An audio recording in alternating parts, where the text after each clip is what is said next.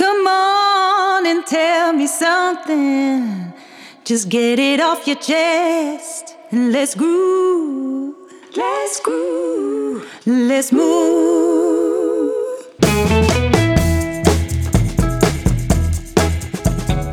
Rolf Mierlo werd geboren en groeide op in Arnhem. Loten in 1980 in bij de studie Tandheelkunde in Utrecht. In 1985 behaalde hij zijn boil.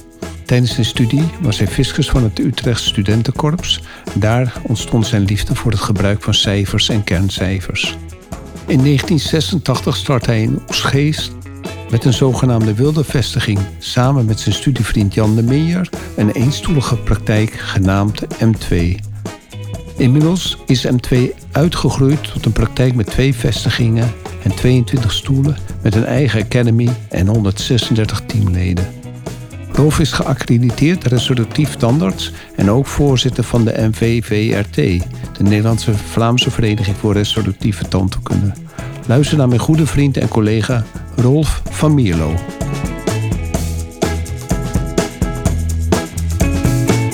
De Tandarts, Vrijheid en Meesterschap podcast.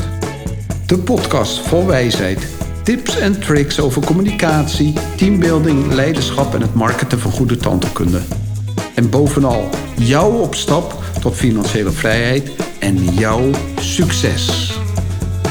Welkom bij de Tandarts, Vrijheid en Meesterschap podcast.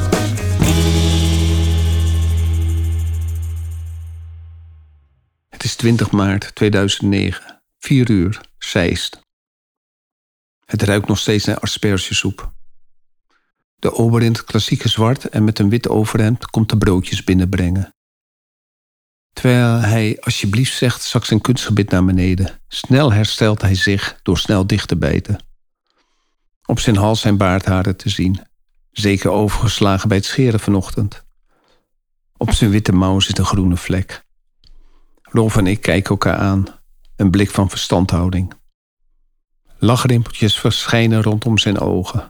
Onze brillen bewegen op onze neuzen. De zaal kan wel wat zuurstof gebruiken. Het zijn bestuursverkiezingen van Big Office. Alleen geen kandidaten. Rolf fluistert: Doe je mee?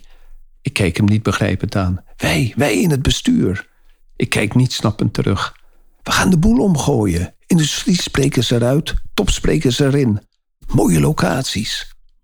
Ik wil niet meer in een kelder op een vrije middag. Ik begin te lachen. I'm in. Tien minuten later zijn wij met Erik Tak en Paul Bijkersma het nieuwe bestuur. Come on and tell me something. Just get it off your chest and let's groove. Let's groove. Let's move.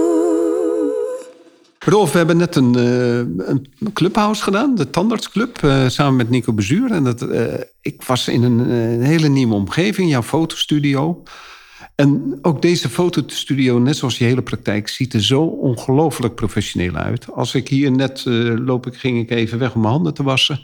En als ik dan iedereen zo bezig zie en ik zie al die kamers, allemaal, allemaal gelijk, allemaal even mooi qua design. Uh, de mensen met prachtige jasjes. Uh, als ik hier binnenkom, dan heb je die treincoupés waar mensen gewoon de, de, de tv-schermen uh, kunnen zien. Waar ze zelf hun eigen programma's kunnen samenstellen. Maar ook dat ze de mededelingen van de praktijk zien. Natuurlijk de hostess als je binnenkomt. De mooie poetshoek, wat gewoon een space shuttle is. En dan ja, zou je ook nog wel gaan vertellen vandaag over alle plannen. Maar ik ben altijd zo ongelooflijk onder de indruk van niet alleen van jouw management, maar ook gewoon het design van jouw praktijken.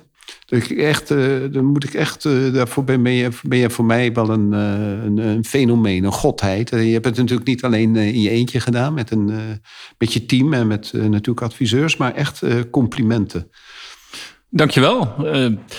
Ron, ik, nou, ik ga eerst een compliment teruggeven. Want jij hebt al 10.000 downloads met je podcast gehad. En ik, ik ben zwaar onder de indruk hoe jij dat voor elkaar hebt gekregen. En nou, jij bent een innovator. Je verzint nieuwe dingen. Je brengt ons allemaal op ideeën om ja, iets te bestuderen of te zien. jij was de man die Anthony Robbins onder de aandacht bracht je was de grote innovator achter, achter Big, Big Mondzorg of Mediadent. Uh, allemaal dingen die we leuk samen hebben gedaan. En uh, dat, dat is super inspirerend. Dankjewel. Oké, okay, dat, dat is fijn. Nou, we zijn heel aardig geweest nu naar elkaar. nou, wat is nou de reden dat ik... Uh, misschien dat ik daar kan mee kan beginnen om te vertellen... dat ik ik vind het prettig om in een mooie omgeving te werken. Ik heb ooit een keertje in de lift van de ACTA, de oude ACTA... heb ik op een zaterdag in de lift uh, anderhalf uur vastgezeten. Uh, ik, had, ik gaf cursus daar en ik ging uh, van, van weet ik welke verdieping naar beneden. En toen bleef die lift hangen en heb ik anderhalf uur heb ik kunnen nadenken wat ik in de rest van mijn leven wilde doen. wow, man. En, uh, nou, dat was enorm beangstigend. En, uh, en, en, en, ook dat oude ACTA-gebouw, dat vond ik zo deprimerend. Wat een betonnen bunker. Uh, echt, er straalde helemaal niks uit. En eigenlijk verschrikkelijk om daar op zaterdag cursus te moeten geven. En toen heb ik besloten dat ik alleen nog maar cursus wilde geven in een mooie omgeving. En dat ik überhaupt alleen maar wilde werken in een inspirerende omgeving. Dus ik vond echt mijn praktijk of, of de plaatsen waar ik cursus gaf, dat moest voldoen aan een aantal eisen waar ik me prettig voelde.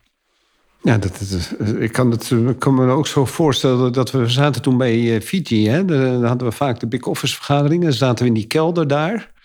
En dat jij tegen mij zei, dit gaan we echt niet meer doen. Op onze vrije middag zaten we daar. In onder de grond. Onder de grond. En het rookte aan ertessoep. En uh, dat je zei, dit gaan we niet meer doen. Ja. En, uh, en toen uh, zijn wij in het bestuur gegaan. En het eerste wat we toen gedaan hebben... is dat we op prettige locaties onze vrijdagmiddagen gingen doorbrengen. Gewoon boven de grond. Hè? Dat ja. was het eerste. In ieder geval boven de grond. Een, een mooie, inspirerende omgeving. Ja. En, en dat is, dan kan je lekker werken. Ja, maar, De, maar, dan is het ook fijn, weet je. Dan, dan kom je er zo aanlopen en dan denk je, ja, dat is goed. Hè? Dan ben je vol verbazing. Hè? Dan, zit je te denken van, hoe hebben die mensen hier vroeger gewoond? Hè? Hoe, wij, we hebben het wel eens over een hovenier om de tuin te doen. Maar als je dan, uh, vooral, vooral die kasteeltuinen en zo... dat je dan aankomt en dan denk je, wauw, hè? daarvoor doen we het. En dat, is, ja, dat was zo inspirerend en zo leuk. We hebben nog daarna wel één keer onder de grond gezeten, maar het was in Blijdorp, in de aquarium. Ja, ja, toch? Ja, ja, dat, was... dat, mocht dan wel. In, in de dierentuin. In de dierentuin. Dat, onder de grond. ja, dat, precies. Dat, uh... Nee, en dan, ja, uiteindelijk, we begonnen op de Hamermolen bij Nico. Ja, natuurlijk. En dat is natuurlijk een heerlijke omgeving, prachtig. En uh, daar kon je focussen op uh, waar het om ging. Ja, ja, dat, dat, was al een verwenderij om daar te komen, ja. nog steeds. En altijd natuurlijk alles goed verzorgd, hè, de omgeving. Uh, en natuurlijk het eten altijd heerlijk uh, vegetarisch. I have a dream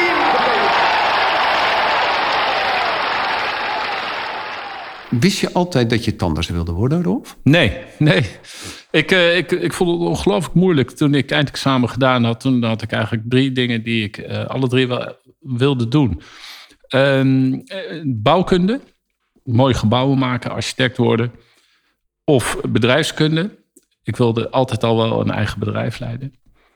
En tantekunde. En toen eh, zei de decaan op uh, middelbare school... zei Rolf, eh, tantekunde is een lotingstudie, zet die nou bovenaan.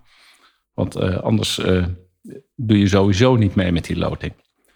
Ik heb dat gedaan en tot mijn verrassing met een zes en een beetje gemiddeld van mijn eindexamencijfer want ik vond alles boven de zes toch wel heel erg zonde van mijn tijd. Ik kon mhm. beter buiten spelen met mijn vriendjes. Ja. Uh, werd ik ingelood. En toen twijfelde ik nog steeds. Ik zei van nou, zal, zal ik toch niet naar Delft gaan, bouwkunde gaan doen. Of naar Rotterdam, bedrijfskunde gaan doen. Toen ben ik toch naar Utrecht gegaan. En de eerste dag dat ik op tantekunde aankwam in de prekliniek... waar 120 eerstejaars zaten te boren. En ik alleen al dat geluid hoorde. dacht van nee, dat ga ik echt niet doen. Wow, Dus ik belde naar huis. En ik zei tegen mijn moeder van ik, ik pak de trein, ik ga, naar, ik ga naar Delft toe. Toen zei ze nou, dat jij ingelood bent, dat is, eh, dat, dat, dat, dat is een teken. Dat is eh, niet zomaar iets. Met als jij met een zesje ingelood hebt, dan moet je toch langer dan een dag kijken. En eh, dat heb ik gedaan en ik begon het steeds leuker te vinden. En uh, met kerst had ik besloten om toch door te gaan met die tantekunde. In ieder geval tantekunde studie af te maken. Toen ik afgestudeerd was, uh, toen was er een groot, uh, de, dus dat was in 1985, toen was er een groot overschot aan tandartsen in Nederland. dus 25% van alle tandartsen waren werkeloos. En toen dacht ik nog steeds van, nou leuk, ik heb tantekunde gestudeerd. ik kan altijd nog in het bedrijfsleven gaan werken of gewoon iets anders gaan doen. Had je geen stress daarover? Nee, nee, eigenlijk niet. Ik dacht altijd wel van, joh, uh, ja, misschien bij het arrogante af. Ik, ik had zo'n geloof in mezelf. Ik denk van, nou, ik ga wel mijn geld verdienen. Eh, Als ik daarop terugkijk, denk ik van, nou, ja, eh, dat was nogal wat. Ik weet wel dat de, bij de uitreiking van mijn bul... dat de hoogleraar eh, zei dat we eigenlijk een verkeerde keuze hadden gemaakt... om tandheelkunde te gaan studeren. En Wat een inspirator. ja, ongelooflijk. En dat, dat, dat, dat is eigenlijk, ja, eigenlijk is dat wel een hele mo- een goede motivator geweest. Want ik maakte me daar zo kwaad over. En Toen dacht ik echt van, nou vriend, ik ga jou laten zien. Hoe heet dat, het- beste man? dat de, de stoppelaar. De stoppelaar? De stoppelaar. Dat zou in een Pietje Bel boek altijd de boef zijn. Ja, ja. en, en, en, en, eh, ik zei, eh, ik dacht echt van, joh, als jij, eh, als jij dit beweert, ik ga je het tegendeel laten zien. Oké. En eigenlijk is dat in die beginjaren. Wij zijn gestart met een wilde vestiging, vrij vestiging in Maar nog e- even terug naar je studietijd. Had je toen heel veel baantjes eh, in je studietijd? Eh, was je altijd aan het ondernemen toen de tijd? Ja, ik heb, ik heb weinig tijd aan mijn, aan mijn tandheelkunde besteed. Mhm. Ik heb heel veel dingen erbij gedaan. Ik heb ook in allerlei bestuurtjes gezeten. Zoals? Als, eh, het bestuur van studentenvereniging. Dus ik kon. Ik was John ook. Thomas, toch? Is dat, eh, eh, de- daar, eh, het, studentenkoor. En ik, ik, eh, ik was daar eh, verantwoordelijk. Ik was, ik was eh, penningmeester, fiscus. En ik was verantwoordelijk voor een, een vereniging... waar bijvoorbeeld 40 man personeel op de payroll stonden. Wauw.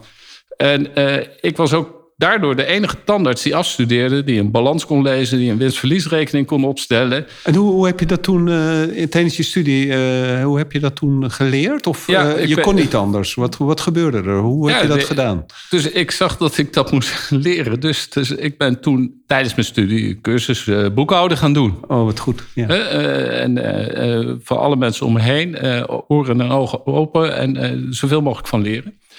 En eigenlijk doordat ik eh, eh, tijdens mijn studententijd al zoveel geleerd had buiten de tandheelkunde, hè, was ik ook niet bang om op het moment dat ik afstudeerde om te gaan ondernemen. Eh, Ik weet wel dat wij, toen we met de praktijk wilden starten, dat we een businessplan eh, geschreven hadden voor de bank. Want het was heel moeilijk om een financiering te krijgen. En ze vroegen van wie heeft dat geschreven? En, Dat heb je met je maat gedaan? Ja, samen met Jan de Minjer. En Jan, was die een eh, studiegenoot? ja, Jan de Minjer en ik zijn, eh, eh, kennen elkaar omdat we op alfabet naast elkaar zaten. Oh, natuurlijk. Zo gaat het vaak. Ja. Dat is wel grappig. De Minjer van Mierlo naast elkaar. en aan de andere kant zat iemand, nou ik zal zijn naam niet noemen, is wel onaardig. maar in ieder geval, ook met een M begon die, maar die vonden we niet zo. Nou, dat was niet helemaal onze vriend. Maar wij konden het erg goed met elkaar vinden. En, en eh, na, na onze studie hebben wij besloten om samen een praktijk te gaan starten. En eh, ja, dus dat, dat is het begin geweest van M2. Hè, van Mierlo, de Minjer, de Minjer van Mierlo achter elkaar. Dat is een hele, hele riedel. We dachten, dus als je de telefoon opneemt en dat allemaal moet gaan uitspreken, dan hangen mensen al op. Laten we het kort houden en laten we M2 van maken. Kan niet beter, Ja, toch? precies. Voor een tandarts. Ja. Ja. Mooi. Ik heb nog wel eens toen bij de opening hier... eh, hadden ze zo'n collage gemaakt... en dan zag ik allerlei krantenartikelen... dat jullie eh, in een, eh, in de, als een wilde vestiging... zaten jullie toen... ik kan me herinneren dat, dat jullie in de krant stonden... dus jullie marketing was wel goed... maar dat jullie een wilde vestiging waren... en dat jullie niet met het ziekenfonds mochten samenwerken. Was dat niet zoiets? Ja, las- klopt. Je had Toen, toen de tijd vestigingsbeleid. De NMT had samen met de overheid besloten dat alle tandartsen om de beurt eh, een plekje zouden krijgen. Die werd op een wachtlijst geplaatst. En nou, dan eh, ben je nummer eh, 642. En eh, als er dan ergens in Nederland een plekje vrijkomt, iemand met pensioen gaat, dan mag jij die praktijk overnemen. Toen dacht ik, ja, dat is wel een gekkigheid. Dan zit ik zo direct in Winschoten. Hè, met alle respect voor collega's in Winschoten. Maar daar wil ik niet zitten. Dus dat, dat vond ik geen goed idee. Er waren ook collega's die, eh, of jonge tandartsen die in het buitenland gingen. Italië, Duitsland was super populair. Het was net in de periode dat twee keer achter elkaar de Elfstedentocht in Nederland was. En weet je, ik ben zo'n Nederlander. Ik, ik, ik denk van ja, ik moet hier heel dichtbij blijven. Ik vind het Ja. te mooi allemaal. Ik ga niet eh, als, als een gastarbeider in het buitenland Ja. werken. Er was nog een alternatief en dat is inderdaad solliciteren bij een multinational. Toen was het nog heel erg eh, mooi als je een baan kreeg bij de bank. Ja, klopt. Hè? Dan, eh, dan had je, deed je het echt heel erg goed. Officieel. Hè? Eh, ja, precies. Hè? Dus bij, en- en- als trainee ging je dan een, een, een, corporate onderneming in. ik zag dat ook niet zo zitten, omdat ik denk ik niet zo'n corporate figuur ben om ze helemaal aan die regels te houden. Want eigenlijk, op mijn ondernemerschap, ik wilde vrijheid. Ja. Nou, wij zijn daarom uh, tegen de regels in, hebben een bord in de tuin geplaatst en zijn we met onze eigen praktijk begonnen. En toen waren de poppen aan dansen. He, want uh, iedereen boos op ons. Wie? Uh, Wie? De tandartsen, de KMT? Collega, de, de NMT was boos. boos. Ze waren uh, toen nog niet koninklijk. Maar, Ze reageerden ook niet koninklijk. Nee, nee, nee. nee. Dus, dus die waren boos op ons. de collega's waren boos op ons. want wij hielden ons niet aan de regels. En wij waren zomaar ergens gaan zitten. Het leuke was wel in die tijd dat wij zeiden van oké, we, we, mochten niet meedoen aan een, een spoedgevallendienst. We kregen geen ziekenfondspatiënten. Dat was toen nog het rare systeem van ziekenfonds en particulieren. Dus wij, uh, we waren afhankelijk van mensen die gewoon hun rekening aan ons rechtstreeks betaalden. Uh, en we moesten zelf 24-7 moesten wij uh, voor de dienst zorgen. En, dat, en dat wekte zoveel sympathie bij uh, de patiënten en de, de, mensen om ons heen. Dat, ja, dat waren gewoon tevreden over jullie. Ja, en, en, en dat wij zeiden van ja, we kunnen een uitkering gaan trekken omdat we op een wachtlijst staan. Ja. Of we kunnen gewoon uh, gaan ondernemen. Ja, nou, gewoon... dat vonden mensen prachtig om te horen. Die zeggen van prachtige jongens die gewoon uh, dag en nacht klaarstaan voor ons. En we, vonden, we hadden maar één stoel, dus we werkten om de beurt. Dus we, iedereen kon echt dag en nacht bellen. En dan gingen we ze helpen. Ja, goed. En uh, wat deed de KNMT? Wat hadden ze gemene, of de NMT, hadden ze gemene dingetjes om jullie dwars te zitten?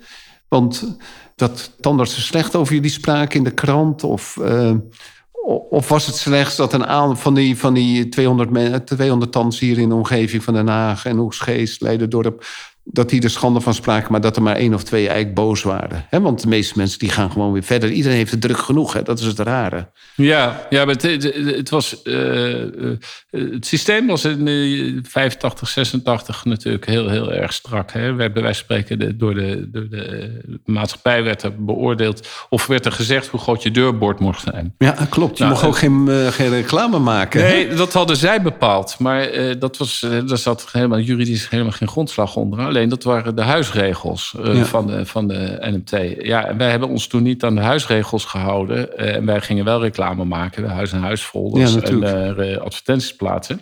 dat we open waren, open dagen organiseren. Nou, toen, toen zijn wij een tijdje mochten we geen lid meer zijn van de NMT.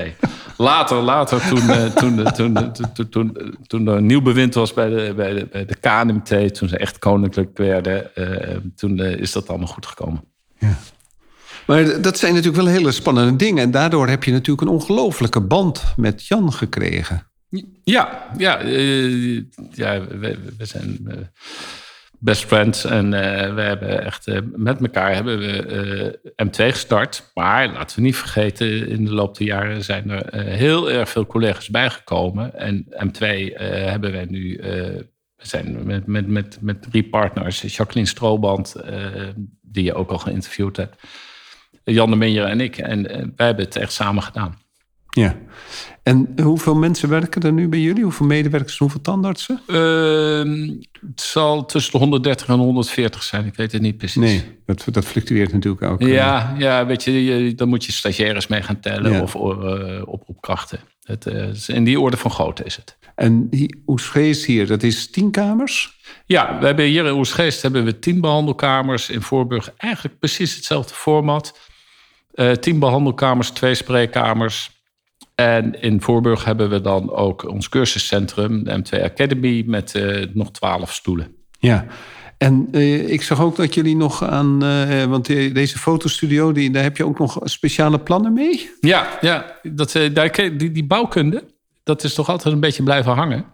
Dus ik heb in de loop der jaren heb ik, heb ik denk ik die drie studies die ik als middelbare scholier graag wilde doen, die heb ik eigenlijk heb ik dat interessegebied alle ja. drie geraakt. Want naast de tandheelkunde, uh, het bouwen en verbouwen van praktijken, dat vind ik ongelooflijk leuk. Die heb ik ook veel gedaan inmiddels, zowel nieuwbouw als verbouw.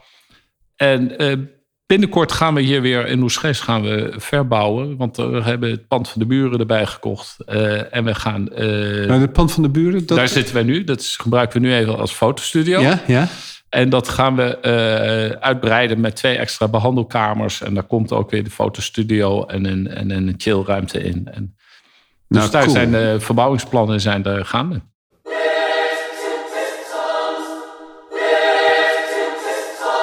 Als je nu zo terugkijkt hè, naar die eh, vanaf 85, je hebt zoveel stappen gemaakt. Eh, wat is nou voor jou eigenlijk de belangrijkste systeemverandering geweest, waardoor jullie als praktijk zo hebben kunnen excelleren? Ehm, wat is voor ons echt belangrijk geweest? Dat is, eh, we zijn in, ehm, in shifts gaan werken. Dus we zijn, ik, ik geloof erin dat een behandelkamer is vergelijkbaar met vliegtuigstoelen, hotelkamers, taxis. Je moet ze optimaal gaan gebruiken. Dus op, dat begreep ik gewoon niet, is dat, dat een, een tandartskamer, behandelkamer, hè, dat die maar de, de 35 uur in de week gebruikt werd van de 168 uur. En je betaalt de huur voor de hele week. Hè, je, je, je legt het allemaal aan en het kan echt veel meer gebruikt worden. Dus wij hebben uh, ervoor gekozen om te gaan werken in twee shifts op een dag. Eén uh, shift van 7 tot 2, een tweede shift van 2 tot 9. Betekent twee ploegen die allebei zeg, zo ongeveer een acht uur werken. De ochtendploeg begint om half zeven, is half drie klaar. En de middagploeg begint om half twee en is om half tien klaar. Het grote voordeel daarvan is dat zowel um, voor de medewerkers is dat prettig, omdat ze dat kunnen combineren met een ander deel van hun leven, als je verantwoordelijkheden thuis hebt. Voor de patiënten is het prettig dat ze buiten kantooruren kunnen komen, uh, dat we minder last van files hebben hier in de Randstad. Ja. En dat wij de praktijk beter gebruiken. Dus dat is één belangrijke stap. Daarnaast uh, geloof ik, uh, lean management is iets wat mij enorm geïntegreerd heeft. En dat betekent dat we verspilling tegengaan. Je, de- dus hoe ga je nou zo goed mogelijk om met de middelen die je beschikbaar zijn? Begint eigenlijk al met de agenda. Een goed agendasysteem. Eh wij werken met, eh, vanuit scheduling by design. Een misvatting dat het door Prism bedacht is. Dat is, dat is eh, ooit bedacht door Jennifer de St. George. Dus een, mevrouw uit Californië. Ik dacht altijd dat het Katie Jameson was, maar dat... eh, Oké. Ik, eh, ik ben bij haar op cursus geweest in 1989 en eh, zij, ja, zij beweerde dat ze het bedacht had. En ja, het was toen.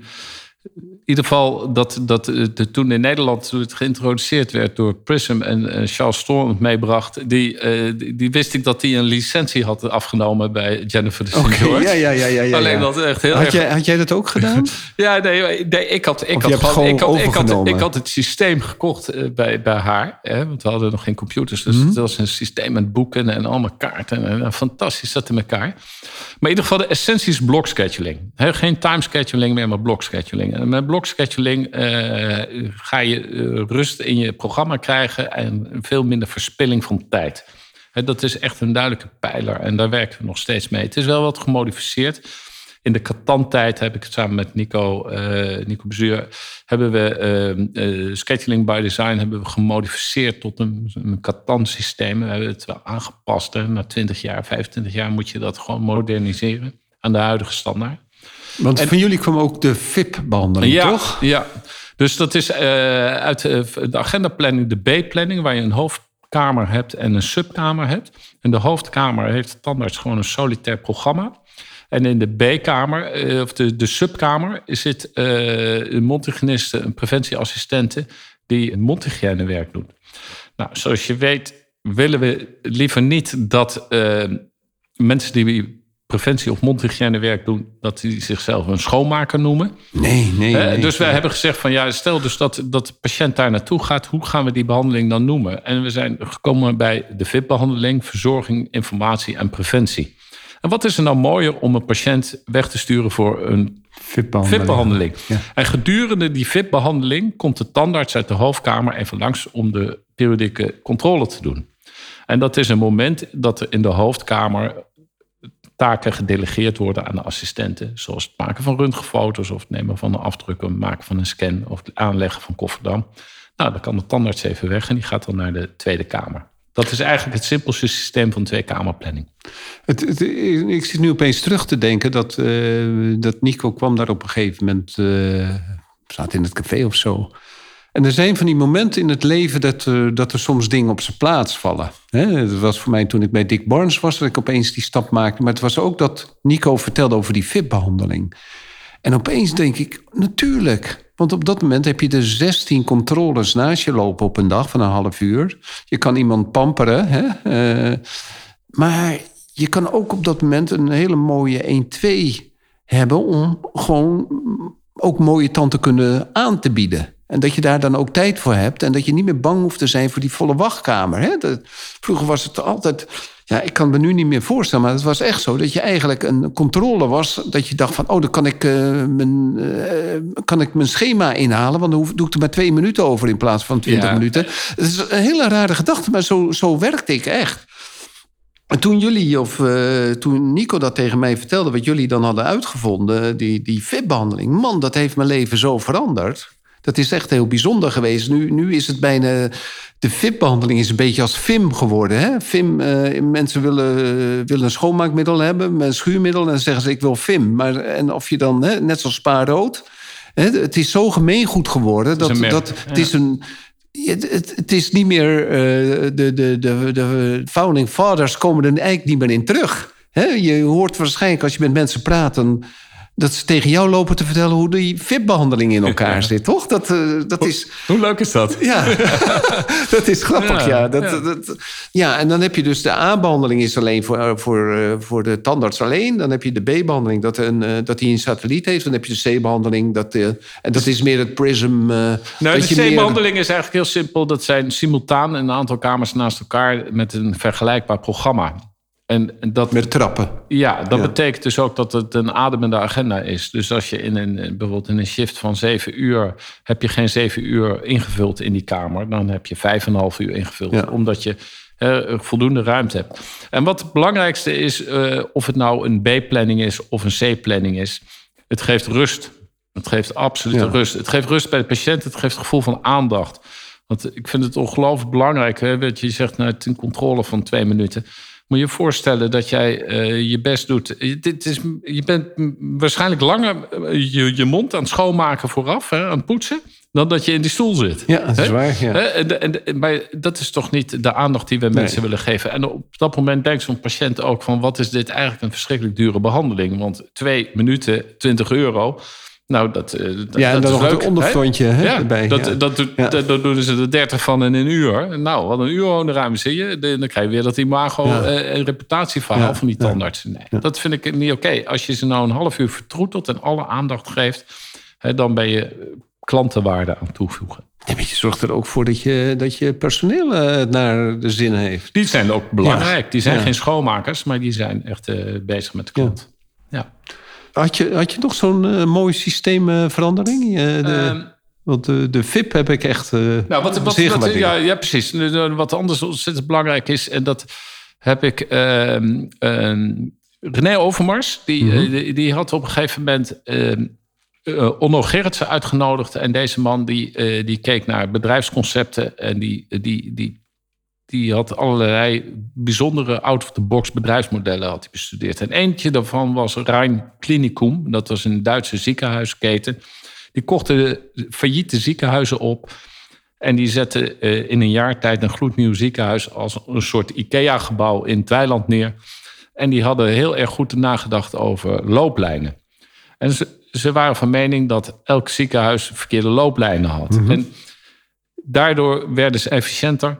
En, en dat model van Rijn Clinicum, dat had ik bestudeerd. En toen dacht ik, ja, zo moeten we onze tandartsenpraktijken ook gaan inrichten. Dus de, de, de, de, de zones in de praktijk, de routing in de praktijk, de looplijnen.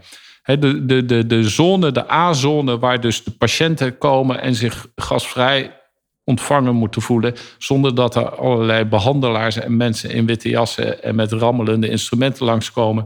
De B-zone, waar uh, er behandeld wordt en de C-zone, de ondersteuningszone aan de achterkant. Die routes moeten niet door elkaar lopen. En dat systeem, dat, uh, dat hebben we zelf gebouwd.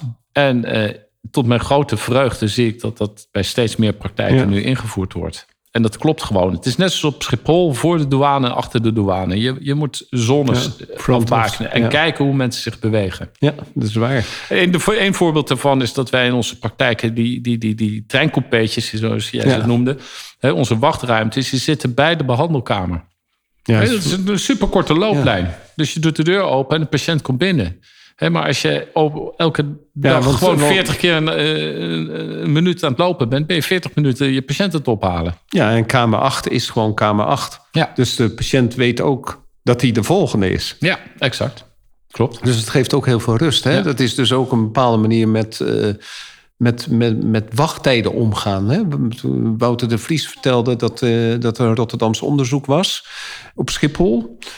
En je zou verwachten dat de mensen die op Pier 3 aan zouden komen... veel meer tevreden zouden zijn dan die op Pier 81 aankwamen. Maar wat bleek nu? De mensen op Pier 3 die waren dus eigenlijk direct al bij de, bij de, bij de, uit, eh, bij de, aankomst van de koffers. Ja. En die, die moesten een half uur wachten. En die mensen van Pier 81, die kwamen aanlopen en dan kwamen de koffers staan. Die waren zoveel meer tevreden dan de mensen die, die, die van Pier 3. Die waren echt geagiteerd dat het allemaal zo lang moest duren. En die van 81. Dus het is wel heel mooi hoe je natuurlijk met die, met die wachtende om kan gaan. Hè? Dat heeft Disney natuurlijk ook prachtig gedaan in die... eh, maar eh, ja, het is natuurlijk, ik vind het ontzettend slim, zo'n eh, zo'n coupé met ook de, de, interne marketing van wat jullie aanbieden naar die mensen toe. En ook geen eh, echte balie meer. Hè? De, jullie hebben de, de, de Nee, telefoon uit de praktijk. ja. de keten van eh, de, of de, de, het proces van dienstverlening kan je eigenlijk in zeven stappen kan je dat hakken. En als je nou gaat vragen aan de, aan de, de meeste collega's onder de een van, nou, wat staat er op nummer één? En dan noemen ze altijd hun behandeling. En dan zeggen ze van ja, daar begint het mee. Nee, daar, daar begint het dus niet mee. Dat staat op plaats vier. Hè, voordat eh, de eerste stap van onze dienstverlening is eh, de, de, de kennismaking met de praktijk. Gewoon eh, de mensen eh, rijden langs. eh, hoe, hoe makkelijk kan je de praktijk bereiken, parkeren? hoe toegankelijk is, is de praktijk? Ziet het er veilig uit? Ziet het er verzorgd uit? De tweede is het maken van de afspraak. Je wil die afspraak maken, kan je, kan je gewoon een telefoonnummer vinden op internet? Is die website snel te vinden? Ehm, wordt die telefoon snel opgenomen? Kan je snel een afspraak? Derde stap is de ontvangst. De ontvangst is, eh, ik ben een groot tegenstander van een, een, een, een gesloten of een receptie. Helemaal zo'n receptie met zo'n eh, glazen raampje wat open Tegenwoordig, gaat. ja, tegenwoordig heb je ze Ja, weer. hè, nu, nu heb je die spat, de spatschermen. Ja. Spat, spat eigenlijk-. Als je eh, in een receptie komt waar de telefoon wordt opgenomen, waar mensen zitten te, te, ja, te administreren, bankafschriftjes in te boeken en zo, dan voelt een klant die binnenkomt, die denkt dan altijd van, oh, ik stoor iemand in zijn werk. Ja, dus ja, wij hebben ervoor gekozen om eh, desks in neer te zetten. En, eh, hebben we gestolen van de bank. Hè, bij de bank stond ik te wachten en toen dacht ik, wat, slim is dat? Er staan mensen achter een desk die je welkom te heten. En nou, dat zijn de gastvrouwen, de hostess. Die nemen geen telefoon op. eh, die begeleiden iedereen die binnenkomt eh, naar een plekje. eh, maken eventueel een vervolgafspraak. geven informatie weg. Stellen mensen gerust. Als je nog even je tanden wil poetsen, kan je, een borstel bij zijn. Nou, noem maar op. Het is de, kunst van hostmanship is om iedereen die binnenkomt een warm welkom te geven. Nou, de vierde stap is die behandeling. En die behandeling gaat helemaal niet over tandheelkunde, maar lig je lekker in die stoel. Betekent, sta- eh, is, is, het niet te warm, te koud in de kamer? Is die stoel wel helemaal op je afgesteld eh, met een nekkussentje eventueel? Ja, ja. Hè, voel je je comfortabel? Het is helemaal niet prettig om in een tandartsstoel te liggen. Er wordt wel gezegd, het enige wat een patiënt graag wil... is zo snel mogelijk die stoel weer uit. Hè? Dus zorg dan, als ze in die stoel liggen, dat, dat ze daar lekker in liggen. Nou, de vijfde stap is nazorg. na de behandeling uitleggen. Wat kan je verwachten? wanneer moet je terugkomen? Wat, wat is, wat is eh, het vervolg van deze behandeling? De zesde stap is het, net zoals het ontvangst door de hostess... is het afscheid van de, door de hostess. Onze hostess hebben de opdracht om iedereen nog één keer diep in de ogen te kijken. Gaat het goed met u mevrouw? Gaat het goed met u meneer? In de plaats dat mensen met alginaatresten en bloedvlekken over hun gezicht naar buiten Bij de, gaan. bus, bij de bushalte hiervoor staan. want Ja. daar komt dan die nieuwe klant, die Ja, komt dan ja. weer langs lopen. Die ziet er zo verward iemand staan, die denkt, daar ga ik niet naartoe. En de zevende stap is eh, het afhandelen van de administratie, de facturatie en de verzekering. Is ook belangrijk? Dat moet tot in de puntjes verzorgd zijn. Want je kan het hele proces goed gedaan hebben, maar daar kan het op misgaan. Nou, wat is mijn visie? Is dat dit is een keten en de zwakste schakel bepaalt het eindresultaat. Dus feitelijk is iedereen binnen onze praktijken is verantwoordelijk voor een stukje. En samen zorgen we ervoor dat de klant eh, Ja. zich ontzettend tevreden is en eh, blij is met onze dienstverlening. Ja. En dan weer graag terugkomt. En terugkomt en doorvertelt aan anderen. Ja. Je wil ambassadeurs hebben. ja. Hè? En Fans, je- fans creëren. En je zorgt voor vertrouwen. Want als dat Ja. goed is, dan zal de behandeling ook wel goed Ja. zijn. Toch? Dat is juist. Dat kunnen ze ook beoordelen. Een patiënt kan beoordelen of hij zijn auto kan parkeren en of de telefoon wordt opgenomen. Maar ja, ik zeg wel eens gekscherend. Er is nog nooit iemand dansend door de wachtkamer gegaan. Die zegt, nou die Van Mierlo is zo'n koning. Die kan de distale Christa van de 2-7 zo fantastisch modelleren. Via een spiegel. Ja, en ik kan het echt heel goed doen. Ja, ja dat, dat heb ik gehoord. dat, eh,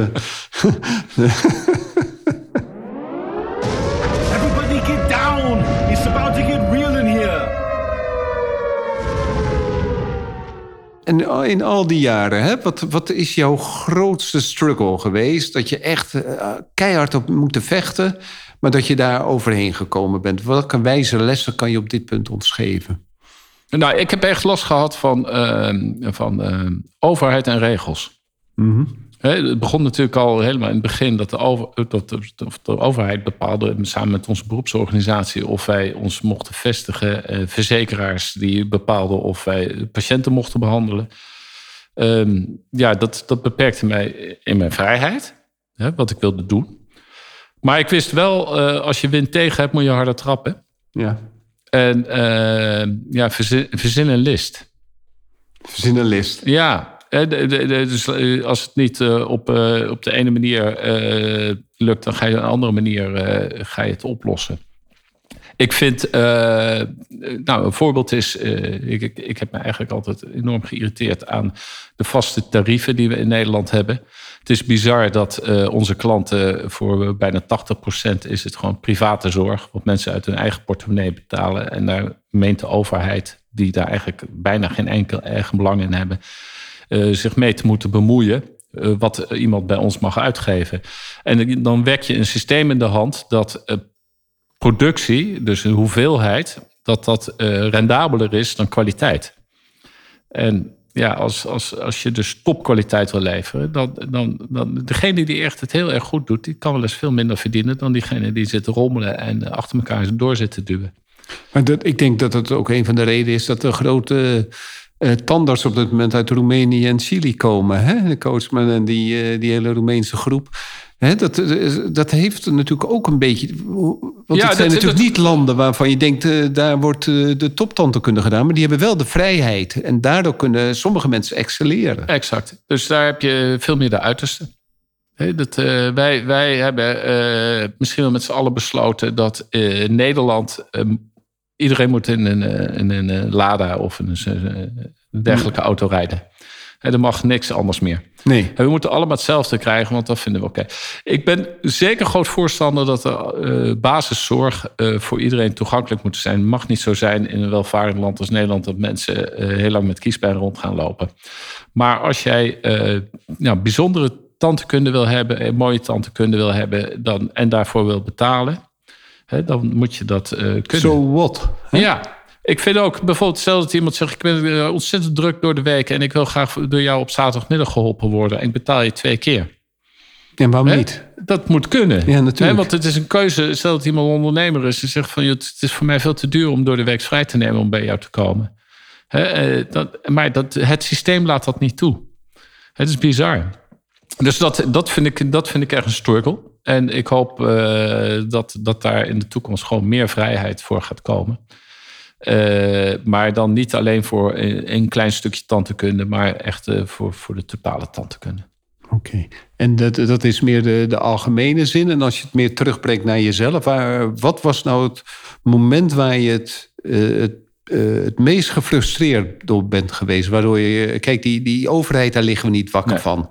Dat, dat is nou eenmaal zo. Dat, kun je, dat is buiten je. Maar wat, wat heeft jou het meest pijn gedaan in jouw tandartsleven, waardoor je wakker bleef liggen, maar dat je, wat je toch overwonnen hebt? Nou, ik heb een heel belangrijk inzicht gehad. Dat toen wij ehm, eh, op een gegeven moment groter werden, toen dachten wij eh, een manier om ehm, eh, senior tandartsen vast te houden, is om ze partner te maken. En inmiddels weet ik dat er een groot onderscheid is tussen de eh, ondernemer, de manager en de professional. Dat was misschien wel 50 jaar geleden één persoon die aan huis de- zijn praktijk runde. Maar als je het hebt over praktijken eh, die wat groter zijn, zijn dat echt drie verschillende rollen. De ondernemer die heeft eh, een bepaalde visie, die toont lef, die pakt zijn kansen, uh, kiest een strategie, uh, durft geld te investeren, uh, gaat ermee akkoord dat hij als laatste, en daarom heet iemand ook ondernemer, hè? want alle bovenkrijgers hebben hun geld allemaal Ja, al gehad ja, ja, en de ondernemer die krijgt het als laatste. Kiest ervoor dat, ja, dat misschien onderaan de streep helemaal niks overblijft. Ehm, dat is een, iets heel anders. En er zijn maar heel weinig mensen die zijn tandheelkunde gaan studeren... doordat ze op middelbare school dachten van... Eh, laat ik ondernemer worden. Eh, weet je wat ik doe? Ik word tandarts. Dat is een beetje jou, ook jouw keuze natuurlijk. Dus, hè? dat, Dus, dat, eh, ja. dat is dan, maar de meesten hebben dat niet. En ehm, het is dus ook geen vanzelfsprekendheid dat als je dus een hele goede tandarts bent, dat je ondernemer bent. En wij hebben een hele tijd gedacht dat wij de toekomst eh, moesten organiseren dat eh, collega's eh, die zeer gewaardeerd werden en goede tandartsen waren, dat we die dus ook eh, het ondernemerschap aanboden. Maar eigenlijk kwamen we erachter dat, eh, dat dat geen gelukkige keuze was. Omdat ze dat niet konden of niet wilden. Of ja, daar zoveel moeite mee hadden dat andere dingen niet goed gingen lopen. Dus dat is mijn grootste inzicht geweest. Dat het runnen van een tandartsenpraktijk... dat dat niet een, een standaard iets voor een tandarts is. Dus ik zie nu een ongelooflijk groot onderscheid tussen de professional... Die, Dat is de tandarts. de tandarts, die dus gewoon fantastisch in zijn vak is, goed kan communiceren, eh, houdt van zijn patiënten, eh, zichzelf blijft ontwikkelen. Een onderscheid is met de manager. De manager die op de werkvloer zorgt dat alles gesmeerd en geolied. maar het is geen tandarts. Dat is geen tandarts, Nee. maar dat alles goed loopt. Dus zorgt dat de organisatie tot in de puntjes verzorgd is. En de ondernemer. Die een, eh, een punt op de horizon kiest en zegt van daar gaan we naartoe. Daar gaan we, zo gaan we het aanpakken. Of zo gaan we het regelen. Of dit, dit, dit wordt onze missie. Dit wordt ons bedrijf. En, en, en, en ik, ik denk ook dat, dat, eh, eh, dat je daar hele andere competenties voor nodig hebt... dan voor goede tandheelkunde. En de ondernemer, mag die dan ook nog tandarts zijn? Zou kunnen, ja. Maar dat is niet... eh, Het is geen vanzelfsprekendheid. En ik denk, hè, als de, de, de, de, praktijk, als de, onze praktijk M2 met, met, met, met 130 medewerkers, dat is echt gewoon een bedrijf. dat is een bedrijf, ja. Dat is, en, en, en, en, en het is niet vanzelfsprekend iemand die een hele goede tandarts is, een aantal jaren tandarts is, dat hij zo'n bedrijf kan leiden. Hè, dat, dat is Ja, en iedereen heeft natuurlijk... Kijk, eh, eh, ik, ik kan een bedrijf van 25 goed leiden. Ja. Dat kan ik echt. Maar ik, eh, ik weet ook uit de literatuur dat als je naar 40, 50 gaat... dat daar alweer een nieuwe hefboom komt. Dus dat je andere vaardigheden moet hebben. Ja. En kan je daar iets over vertellen? Want je hebt al die stappen. Hè? Je bent met z'n e- met ene begonnen. Hè? Met z'n tweeën, zonder assistenten waarschijnlijk. En dan heb je die, al die stapjes gemaakt. Eerst naar een, eh, ben je eerst granen gaan rijden met een naar van eh, één kamer, twee kamers, vier kamers. Ik weet niet hoe dat ging. En toen hebben jullie... nou, vertel zelf maar. Je, Ja. Nee, we zijn, inderdaad, gewoon nul patiënten en nul medewerkers. Met z'n tweeën begonnen en elkaar assisteren. En Nog voor, was 84, 85, dat was toch? in 1985. Ja. Eh, nee, in 1985 zijn we afgestudeerd. In 1986 zijn we begonnen met de praktijk. Dus vorige week bestonden we 35 jaar. En maar wij zijn erin gegroeid. We zijn echt eh, stapje voor stapje zijn we Ja. eh, groot geworden. Dus we hebben alle tijd gebruikt om ook kennis te vergaren, dingen uit te proberen, vallen, opstaan en weer doorgaan. En, en je merkt eh, precies wat je zegt. Je, je merkt omslagpunt. Hè? Dus, dus met tien, tien medewerkers eh, is, is, is, is het nog heel erg goed. Dan weet je eigenlijk alles wat er gebeurt binnen je praktijk. Het is meestal vier Hè? kamers, drie kamers. En, en, en ja, tien medewerkers is ja, drie kamers. Het ligt aan hoe je ze gebruikt, Ja. hoeveel uur je ze gebruikt. Ik vind dat altijd heel moeilijk te zeggen. Hè? Want eh, het is hetzelfde als eh, hoeveel patiënten heb je nou nodig? Eh, het zijn allemaal gemiddelden. ja, ja. Hè? Eh, Hoe- hoe- ja, hoe- ja, als tandarts eh, heb ik twee, drie patiënten op een dag. Dat, En dat, nee, eh, alleen al twee uur foto's nemen, toch? ja, onder andere. nee, nee, dus dus dat, dat, dat is moeilijk om te zeggen in getallen. Maar ehm, de, de, de, de stap van 40 plus, hè, dan wordt het ingewikkeld. Hè. Dan moet je dus al, al, al je organisatie echt al goed op poten gaan zetten. En eigenlijk krijg je elke keer weer, hè, krijg je weer een volgende fase. Dan krijg je weer een volgende stap te maken. En ehm, daar moet je eh, flexibel in zijn. Dus je moet weer flexibel zijn om je organisatie opnieuw te bekijken en naar de laatste inzichten vorm te geven. En met name ook naar de mensen die er werkzaam zijn. Onze structuur waar we een middenmanagement hebben. Dus dat betekent dat de assistenten hebben een teamleider, de receptionistes hebben een teamleider, de mondhygiënische standaards ook. Eh, hebben, die, daar moet goed naar geluisterd worden. Eh, we hebben naast de praktijkmanager hebben we ook eh, staf, stafafdelingen, HR, financiën, eh, kwaliteit. Ehm, MT Academy, dat zijn, dat zijn eh, de afdelingen die daarnaast zitten. Dus je bent continu met die mensen in overleg te kijken hoe gaan we nou zorgen dat we eh, ja, daar een goede organisatie van maken. Dus je moet zeker bereid zijn om continu te veranderen. En ik vind veranderen ook wel erg leuk. Daardoor is het na 35 jaar nog elke dag boeiend. Ja, je houdt van de verrassing, de onzekerheid. Ja, En nou, die- de uitdaging. De uitdaging. uitdaging. ja, de verrassing is misschien. ik, ik, ik zie de uitdaging, ik zie kansen, ik zie uitdagingen. En ik. Ja, e- een van mijn uitspraken is van probeer elke dag 1% beter te worden. Dan ben je over 70 dagen twee keer zo goed. Ja, dus ik ben elke dag wel op zoek naar wat kan er beter, wat kan er anders en wat pakken we op. En eh, ja, dat is, dat is super spannend. Dat blijft leuk. ja. Dat, eh, dat gaat niet, nooit vervelen. gaat nooit vervelen. nee. Nee. De zeven zwoele vragen. Eh, je favoriete levensquote, je vertelde er net één. Elke dag 1% beter. En dan, eh, en dan ben je eh, over- voor de ja, wiskundigen onder ons weten... 72 gedeeld door 70 is 1. Hè? Ja, dus ja. het, eh, want zo- zo kan je ook met je rentes eh, makkelijk uitrekenen... hoe snel het verdubbelt. Maar mensen kunnen ons nu wel of niet volgen... maar dat is ook wel aardig. Ehm, je favoriete levensquote? Ehm, nou, eigenlijk was die 1% was er eentje. En de andere is: ehm, eh, het leven is een feest. Hang vooral zelf de slingers op. Maar laat ze ook hangen. Laat ze hangen, ja? Wat bedoel je daar precies mee? Nou, dat. weet je, maak, maak er een feest van en eh, laat het feest maar doorlopen. En eh, dat betekent dat eh, niet van we hebben nu feest en morgen gaan we weer Calvinistisch naar de orde van de dag en eh, zijn we weer eh, hè, streng voor onszelf. Maar maak er echt een feestje van. Ja, die is fijn. Ja. Eh, Peter van der Schoor had hem eh, van... eh, het leven is een feest, maar je moet zelf de slingers ophangen. Eh, maar ik jij, jij bent een feest, maar laat ze ook nog daarna hangen. Ja, ja dat is wel Dan halen ze nooit meer naar beneden. Dan haal ze nooit meer naar beneden, nee. Welk boek lees je nu? Ehm, op mijn nachtkastje ligt eh, Socrates op sneakers. Oh ja, wat leuk. Die, die heb ik uh, van Michiel Wis. Buijs. Ja. Ja, de kunst van, eh, van eh, vra- vragen stellen. Ongelooflijk boeiend. ja, wat goed. Weet je, het, eh, eh, Arjan van eh, ken je die? Arjan van Erkel. Ja. Die, dat is eh marketing guru. Hè? Die heeft, eh, en die heeft dus ook een eh, bestseller eh, eh, cursus. En heeft dus eh, acht van zijn... Acht van zijn discipelen, om zo maar te zeggen, eh, hebben een bestseller geschreven. Op die, en voor hun is een bestseller nummer één. Hè, dat je de taart krijgt van de management eh, top 10. Want als je daar op nummer één staat, dan krijg je van managementboek een taart. En dat is dus het, eh, het ultieme gevoel wat je kan hebben als je een boek schrijft... dat de taart komt van managementboek. en zij, zij is een van zijn discipelen.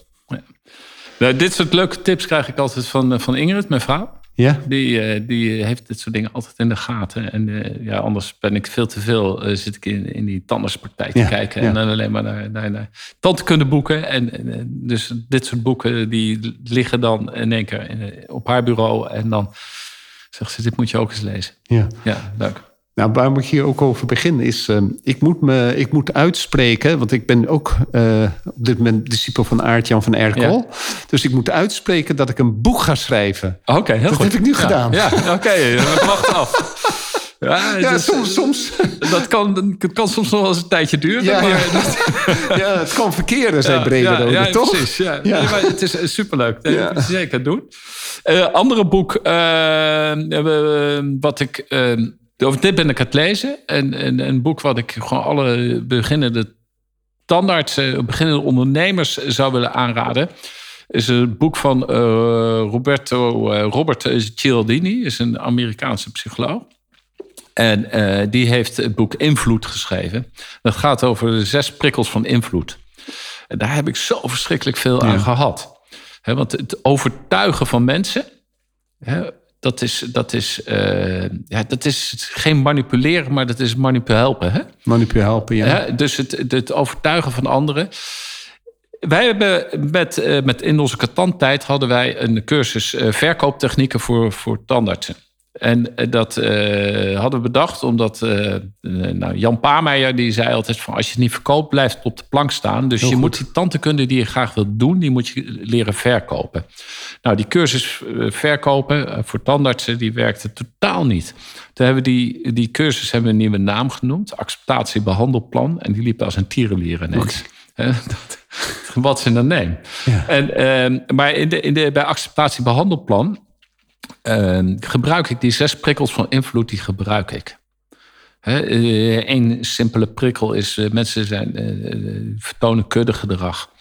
Als je alleen al maar tegen je patiënt zegt... die je wil overtuigen om naar de mondhygiëniste te gaan... de meeste, meeste patiënten van mij gaan naar de mondhygiëniste. Dan denken ze, oh, als de anderen dat ook doen... dan ga ik dat ook doen. Ja. Dan ben je er zo mee klaar. Voor mij is eh, autoriteit eh, belangrijk geweest. Dat heb ik altijd onderschat. En sinds ik dat boek gelezen heb, ben ik meer eh, gaan letten op mezelf en op mijn medewerkers. Dat ze gewoon goed gekleed zijn. Dat ze, want een autoriteit ziet er gewoon goed uit. Uniform, hè? Uniform. Uniform helpt. Dus eh, Ja. dat, dat, en, dat, eh, en het is zo'n leesbaar boek. Hè? Ja. Want het is een boek vol voorbeelden. Hè? Dat is zo bijzonder. En ook wel treffende dingen hè? staan daarin over die. eh, ja, dus ik, kan het, ik ben het helemaal met je eens. Een prachtig boek. Heb je dat tweede boek ook van hem gelezen? Ja, ja, ja.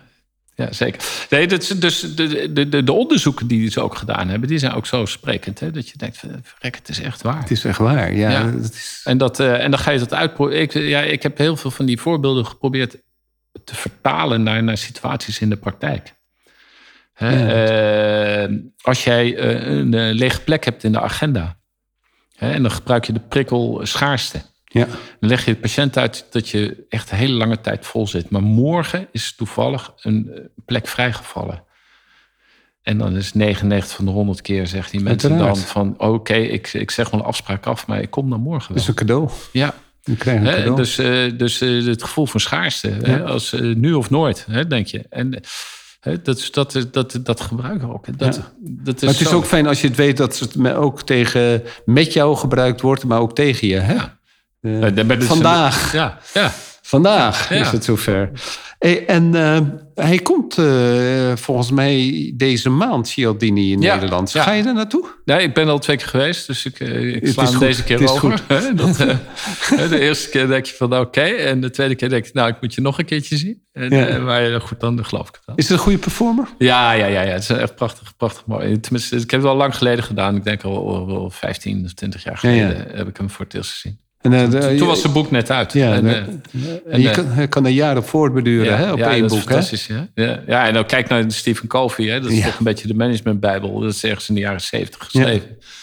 Hè, dat, eh, dat, dat, dat is nog steeds fantastisch. Ja, er zijn hele organisaties hè, Ja, die ja. hangen op dat eh, boek. Een cursus of een nascholing, maar dan niet een van jezelf. Want je hebt toch al wat cursussen gegeven. ja, ja, en die geef je nogal Ja, wat. Want je, hoeveel, hoe vaak treed je op? Eén keer, twee keer per maand? Nou, dat Met valt- die academy die jullie hebben? dat, dat weet ik niet één of twee keer. Kijk, er zijn twee dingen die ik nu doe. Eh, dat is eh, mijn cursus praktijkmanagement. Die geef ik, eh, nou, die geef ik nog steeds. Dat vind ik ontzettend leuk. Dat train ik de tandartsen of de praktijkmanagers op allerlei organisatorische zaken. Een andere cursus die ik geef is het voor de M2 Talent Program. Dat is een club van 24 jonge tandartsen die eh, eh, elke maand bij elkaar komen. En, en daar hebben we het over tandheelkunde. vanuit mijn rol als restauratief tandarts. En daar leg ik ze uit. Of dat, ik leer ze uh, allerlei zaken die ze nog niet op de universiteit besproken hebben. Ja. Oké, en hoe komen ze dan bij jou terecht? Uh, voor Talent Program, daar, daar solliciteren ze op. Dus, de, de, dus ergens in de, in, in de zomer hè, kunnen ze mij een brief schrijven en uitleggen waarom ze het talentprogram graag zouden mhm. willen volgen. Als dat oké is, dan, uh, dan krijgen ze een plekje. Uh, het kostte niks. Alleen ongelooflijk veel inzet. En dat is ook wel mooi dat ik, dat ik, uh, ik vind dat wel ontzettend leuk. Want toen ik zelf afstudeerde, toen, nou, waar we straks al even over hadden, toen waren heel veel collega's boos op ons. En ik dacht van nou, als ik zelf uh, eh, 60-plusser ben, uh, dan wil ik juist jonge mensen begeleiden en uh, kennis met ze delen en ja. niet, niet flauw naar ze doen. Dus ik vind het ontzettend leuk om jonge collega's te begeleiden en te helpen en ja, mijn, mijn kennis en ervaring te delen. Dat, dat, dat geeft super veel energie. Ja, top. Top ja. man. Ik vind het echt heel bijzonder hoor. Want het is wel een, uh, een uh, ook voor jou een legacy. Hè? Want het is toch onvoorstelbaar dat je 24 mensen uh, aan de hand neemt en dan daar geen geldelijk bedrag voor terugvraagt. Het is natuurlijk wel marketingtechnisch een, waarschijnlijk een slimme stap. Maar het is, ik, vind het, ik vind het een ongelofelijke gift. Ik vind het echt, het is bijna uh, ontwikkelingssamenwerking. Zo, ja, toch? Ja, het is heel bijzonder. Je, als, je, als je net afgestudeerd bent, je, je bent hartstikke onzeker. Wat heb je nou gedaan? Je hebt een halve prothese gemaakt en, en, en, de twee indirecte restauraties. En dan moet je op eigen benen staan. Dan begint iedereen uh, om je heen over geld te zeuren. Uh, nou, dan is het goed dat je even door een oude rot eh, bij de hand wordt gepakt. Maar jouw vraag was, welke cursus zou je aanraden? Ja. Ja, heel goed. En niet je eigen cursus. dat doe ik dan toch. Nee, wat, uh, uh, wat, uh, wat ik iedereen zou willen aanraden... en dat is ehm, ook wel misschien wel vanuit mijn rol als voorzitter van de NVVRT... Ik vind dat de uh, restauratieve cursussen die aangeboden worden door uh, Peter Tolen, door Martijn Molenaar, door Sjoerd Smekers, Maarten Bekkers, die zijn supergoed. Die zou ik echt, een van deze vier, zou ik iedereen aanraden. als je dus net in het vak stapt en je wil echt de, de tandkunde beter leren begrijpen. Dus verder kijken dan de tand voor tand tandheelkunde. Mm -hmm. Dus begrijpen hoe dat hele systeem in die mond werkt dan uh, zou ik een van deze opleidingen, cursussen zeker aanbevelen. Ah, Supergoed. Daar mogen we ook trots op zijn in Nederland. Ja, want het zijn er best veel eigenlijk, hè? Ja, ja maar dat is echt supergoed. Ja, goed. Um, wie is jouw grootste inspirator geweest? Uh, helemaal aan het begin. Uh, ik heb een tijd gewerkt bij André Bolhuis in Utrecht. Mm -hmm. En ehm, daar, dat vond ik fantastisch om bij hem in zijn praktijk te zien... hoe hij eigenlijk toptantekunde uh, in een, een, fantastische omgeving georganiseerd had. dat was in, in, in 85, 86 werkte hij al met een eigen laboratorium uh, in de praktijk. Een mondhygiëniste, uh, hij delegeerde al. En hij had echt fantastisch mooie tantekunde. Ja. En dus dat was echt een voorbeeld.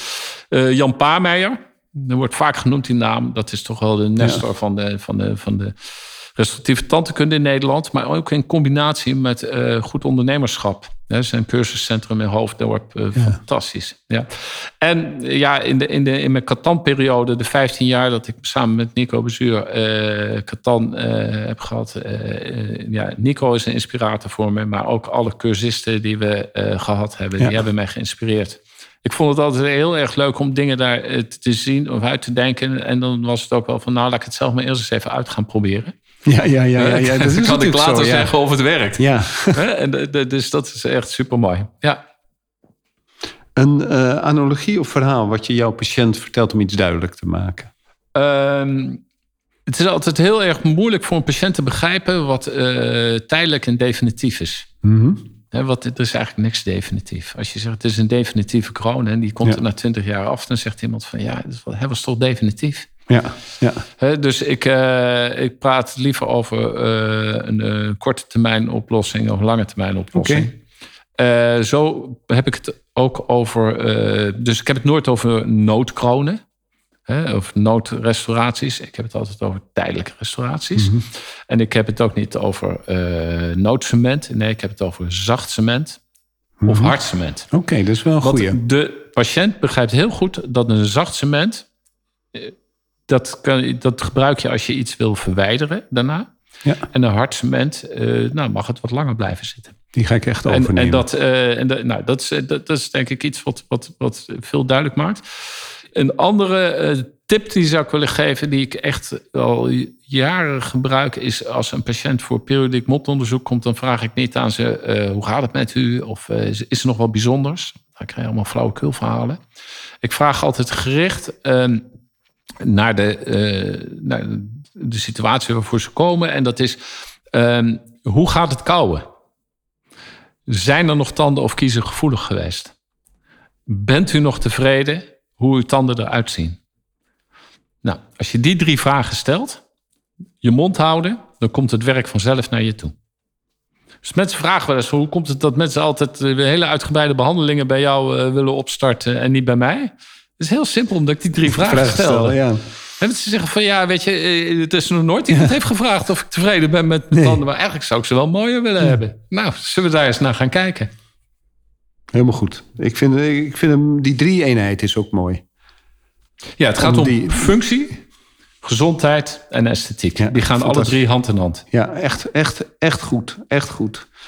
Ehm, Oké, Rolf. Welke drie dingen adviseer je een startende of studerende collega? Ehm, leren, een leven lang leren, dat is één. Dus, dus probeer elke dag die 1% te zoeken, waardoor je beter bent. Ehm, train je basisskills. Ik vind dat, ik, ik zie veel te vaak dat mensen, ehm, hebben ze één keer iets gedaan en denken ze, nou, nu kan ik het wel. Maar je moet vlieguren maken. Je moet echt vlieguren maken om ergens heel goed in te zijn. En het derde wat ik eh, zou willen meegeven is: eh, geld is absoluut een bijzaak. Laat je niet door geld leiden. Dan word je heel ongelukkig, hè? Ja, ik vind, ik vind echt dat als je eh, binnenkomt en je bent net afgestudeerd. Het, het is natuurlijk bizar dat je als, als startende tandarts eh, een, een, een, een, hoger inkomen krijgt dan welke academicus ook. Hè, die start. Eh, en dan kom je binnen en dan, ja, dan ga je over geld praten. Terwijl je eigenlijk gewoon je moet focussen op leren. Hè, dat geld komt vanzelf. Is een bijproduct, hè? Ja, als, je, als je je vak goed leert, en, dan komt er geld vanzelf wel. Dat is een mooie afsluiting, Rolf. En natuurlijk, Rolf, altijd op het eind van het interview... heb jij nog iets weg te geven? Ja, natuurlijk heb ik wat weggegeven. Want ehm, ik geef één keer per jaar geef ik nog mijn cursus praktijkmanagement. En ik zou eh, aan de luisteraars van deze podcast die willen deelnemen aan de eerstvolgende cursus praktijkmanagement in het voorjaar 2022 15% korting willen geven. Oké, en wat moeten ze daarvoor doen? Inschrijven bij MT Academy en verwijzen naar eh Rons podcast. Dan komt het goed. Dan komt het goed. Oké, podcast eh, is al genoeg om te zeggen om die 15%. nou, het zal wel mooi zijn. Hè? Vrijheid, meesterschap. Oh ja, als ze het helemaal op kunnen schrijven. Als het helemaal niet. goed zeggen, Per, per letter kregen ze 1%. hè, dan, eh, dan krijgen ze 15% korting. Ja. Oké, hartstikke goed. Het is een mooi aanbod. Het is een, eh, een goede cursus. En eh, ik heb natuurlijk niet hem helemaal eh, gedaan, maar ik heb natuurlijk gedeeltes in al die jaren van jou gehad. En ja, elke praktijk zal eh, wel bij varen. Dus nou, mooi aanbod. En goed dat je het nog een keer onder de aandacht brengt. Want er zijn niet zoveel cursussen op dit gebied. Hè? Dus goed man. ja. Dankjewel. Ik vond het een leuk gesprek. Graag gedaan, Ik, eh, Ron. eh, dank je dat ik eh, zo'n hele ochtend bij je mocht zijn. En, eh, ik heb veel geleerd. En eh, wat ik zeker morgen zal, eh, of eh voor maandag zal gebruiken, hard en zacht cement. Oké, Ron. en dat onze relatie altijd van hard cement zal mogen blijven. Het was leuk om mee te doen, Ron. En eh, nogmaals, mijn bewondering voor hoe jij dit allemaal organiseert. Oké, dankjewel. Superleuk. Hey, heel veel succes vanmiddag met eh, het voorzitterschap. Ja.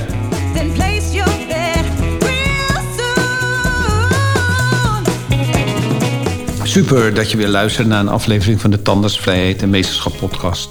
Ik zou het zeer op prijs stellen als je een review achter zou laten. Je kunt je ook abonneren op deze podcast. Klik dan in de podcast-app op de button subscribe en je ontvangt automatisch een berichtje bij een nieuwe aflevering. Ken je iemand die deze podcast ook leuk zou vinden? Deel deze dan. Via Spotify kan je dat heel simpel door op de drie puntjes te klikken en te delen. Je kan mij ook bereiken via mijn LinkedIn-account. Ik ben te vinden onder mijn naam Ron Steenkis. Nogmaals, dankjewel en tot de volgende keer.